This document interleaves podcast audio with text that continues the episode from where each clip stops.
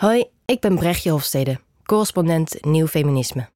En ik heb een stuk geschreven over wat links kan leren van Jordan B. Peterson.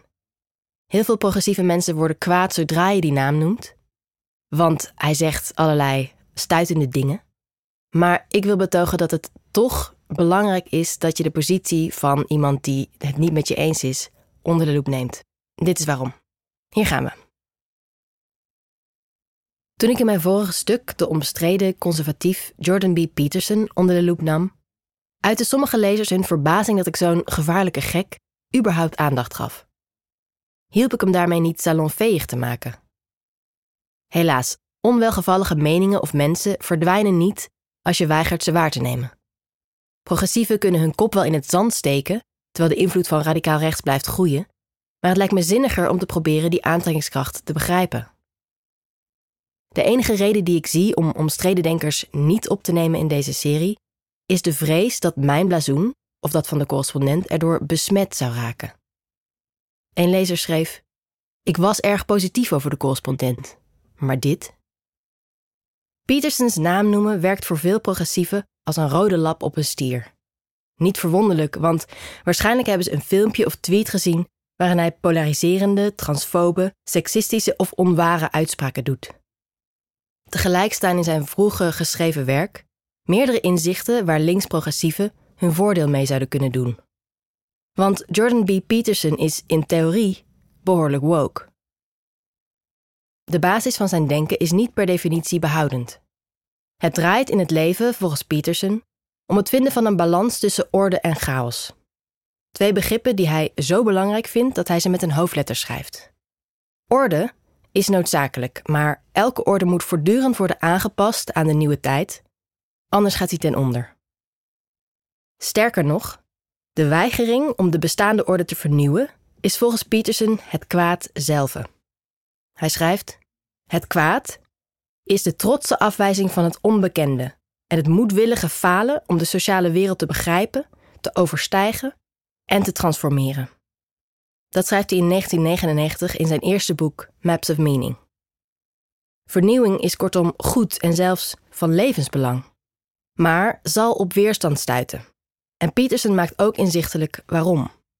Want orde, de verzameling van wetten, tradities en gebruiken die de mens opwerpt tegen de onzekerheid van het bestaan, is een psychologisch noodzakelijk houvast. Orde biedt sociale spelregels en helpt om conflicten te vermijden. Als je eraan tornt, worden mensen bang. Of eigenlijk is bang het woord niet.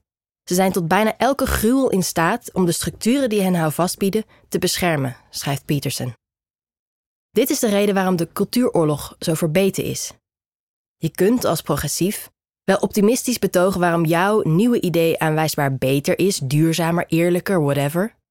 Maar als je geen rekening houdt met de grote psychologische nood aan houvast, dan zul je je misrekenen. Je moet, om met Peterson te spreken, het irrationele, transcendente, onbegrijpelijke en vaak belachelijke karakter van de mens meenemen in je overwegingen. Vrij vertaald, er zijn veel goede redenen om te tornen aan de bestaande structuren. Structureel racisme bijvoorbeeld, of seksisme. Maar wie slim is, houdt tegelijkertijd oog voor de functie die die structuur vervult en zet er iets voor in de plaats.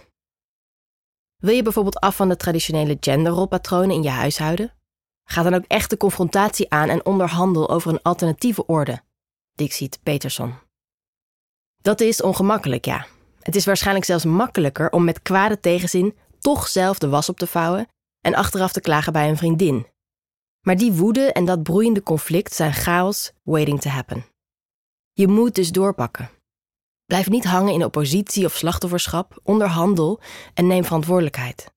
Als je een nieuwe orde wilt, doe dan ook het werk dat erbij hoort. Dwing een heldere taakverdeling af. En vraag in het restaurant zelf om de rekening. Alleen maar roepen weg met het systeem is niet genoeg. Ik zag laatst een sticker in een café. Smash the system. Cis, C-I-S, verwijst naar cisgender. Mensen die niet bijvoorbeeld transgender, intersex of agender zijn, maar zich identificeren met het geslacht waarmee ze geboren zijn. Smash the system. Het is een lekkere slogan. Het voelt radicaal en gewaagd. Maar wat betekent zoiets voor de meerderheid van de mensen die cis zijn? Ik ben een groot voorstander van meer flexibiliteit en fluiditeit als het op gender aankomt. Maar dat gaat niet werken als je voorbij gaat aan het feit dat de identiteiten van man en vrouw voor veel mensen precies zo betekenisvol zijn als agender voor een ander. Moet cis verdwijnen om andere genders de ruimte te geven? Hoe zie je dat voor je?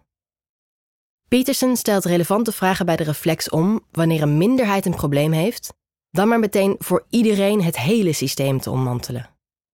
Op zijn minst is het waardevol om erbij stil te staan wat zo'n ontmanteling voor de meerderheid betekent. Een groep waar links weinig tot geen empathie voor lijkt op te kunnen brengen. Een rampzalige verkiezingsstrategie. Als links deze vragen zelf niet durft te stellen, verdwijnen ze niet. Ze worden enkel groter. Ik krabde me als linkse feminist het meest achter de oren bij Petersens oproep om de waarheid te zeggen of op zijn minst niet te liegen. Ook niet wanneer de goede smaak dat van je vraagt. Ik heb regelmatig gesprekken gevoerd waarin een progressieveling zei: Dit zou ik niet op X zetten, maar. Gevolgd door een zienswijze waarin vaak meer nuance, meer twijfel doorklinkt, dan acceptabel wordt geacht door de omringende progressieve groegemeente.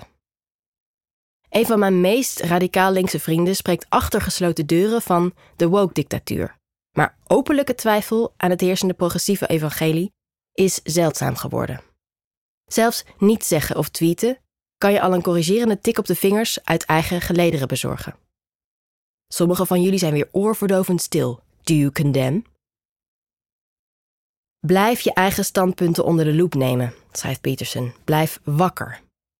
Hij schrijft: Je hebt een richting, maar wie weet is het de verkeerde. Je moet wakker blijven en jezelf betrappen als je de mist in gaat. Op dat punt is hij wakkerder dan woke. Op papier dan, want in de praktijk doet Peterson zelf helemaal niet wat hij predikt. Bijvoorbeeld oprecht proberen om andermans positie te begrijpen, zonder die te versimpelen of te parodiëren. Peterson is in zijn lezingen en online uitingen zo polariserend, veroordelend en giftig geworden dat het bijna onmogelijk is geworden om zijn ideeën nog serieus in overweging te nemen. Mij lukt dat ook niet helemaal. Ik heb zijn boeken met interesse gelezen, maar in het stuk dat ik er uiteindelijk over schreef, was ik toch vooral defensief en bijtend. En toch is het de moeite om zijn werk te bestuderen, al is het maar omdat het inzicht verschaft in de grote weerstand die er bestaat tegen progressieve ideeën en de krachtige psychologische reflexen die aan die weerstand ten grondslag liggen. Daags na de verkiezingsuitslag hoorde ik de vooruitstrevende types om me heen fantaseren over emigratie, een vrijstaat in Utrecht, een muur om Amsterdam. Waar komen al die racisten vandaan, zei iemand. Ik loop op straat en ik denk: jij en jij en jij. Dat die houding, wij rechtschapenen tegen de rest, een deel van het antwoord bevat, leek bij niemand op te komen. De Engelse filosoof John Stuart Mill schreef: Wie enkel zijn eigen kant van het verhaal kent, kent ook daar weinig van.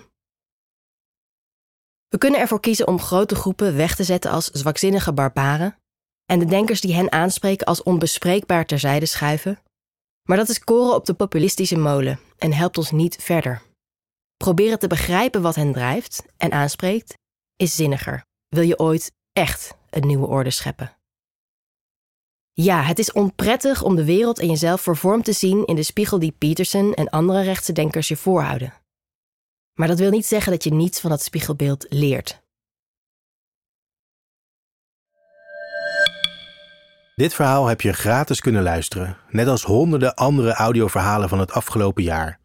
Maar het maken van dit soort verhalen is niet gratis. Ze worden mogelijk gemaakt door onze betalende leden.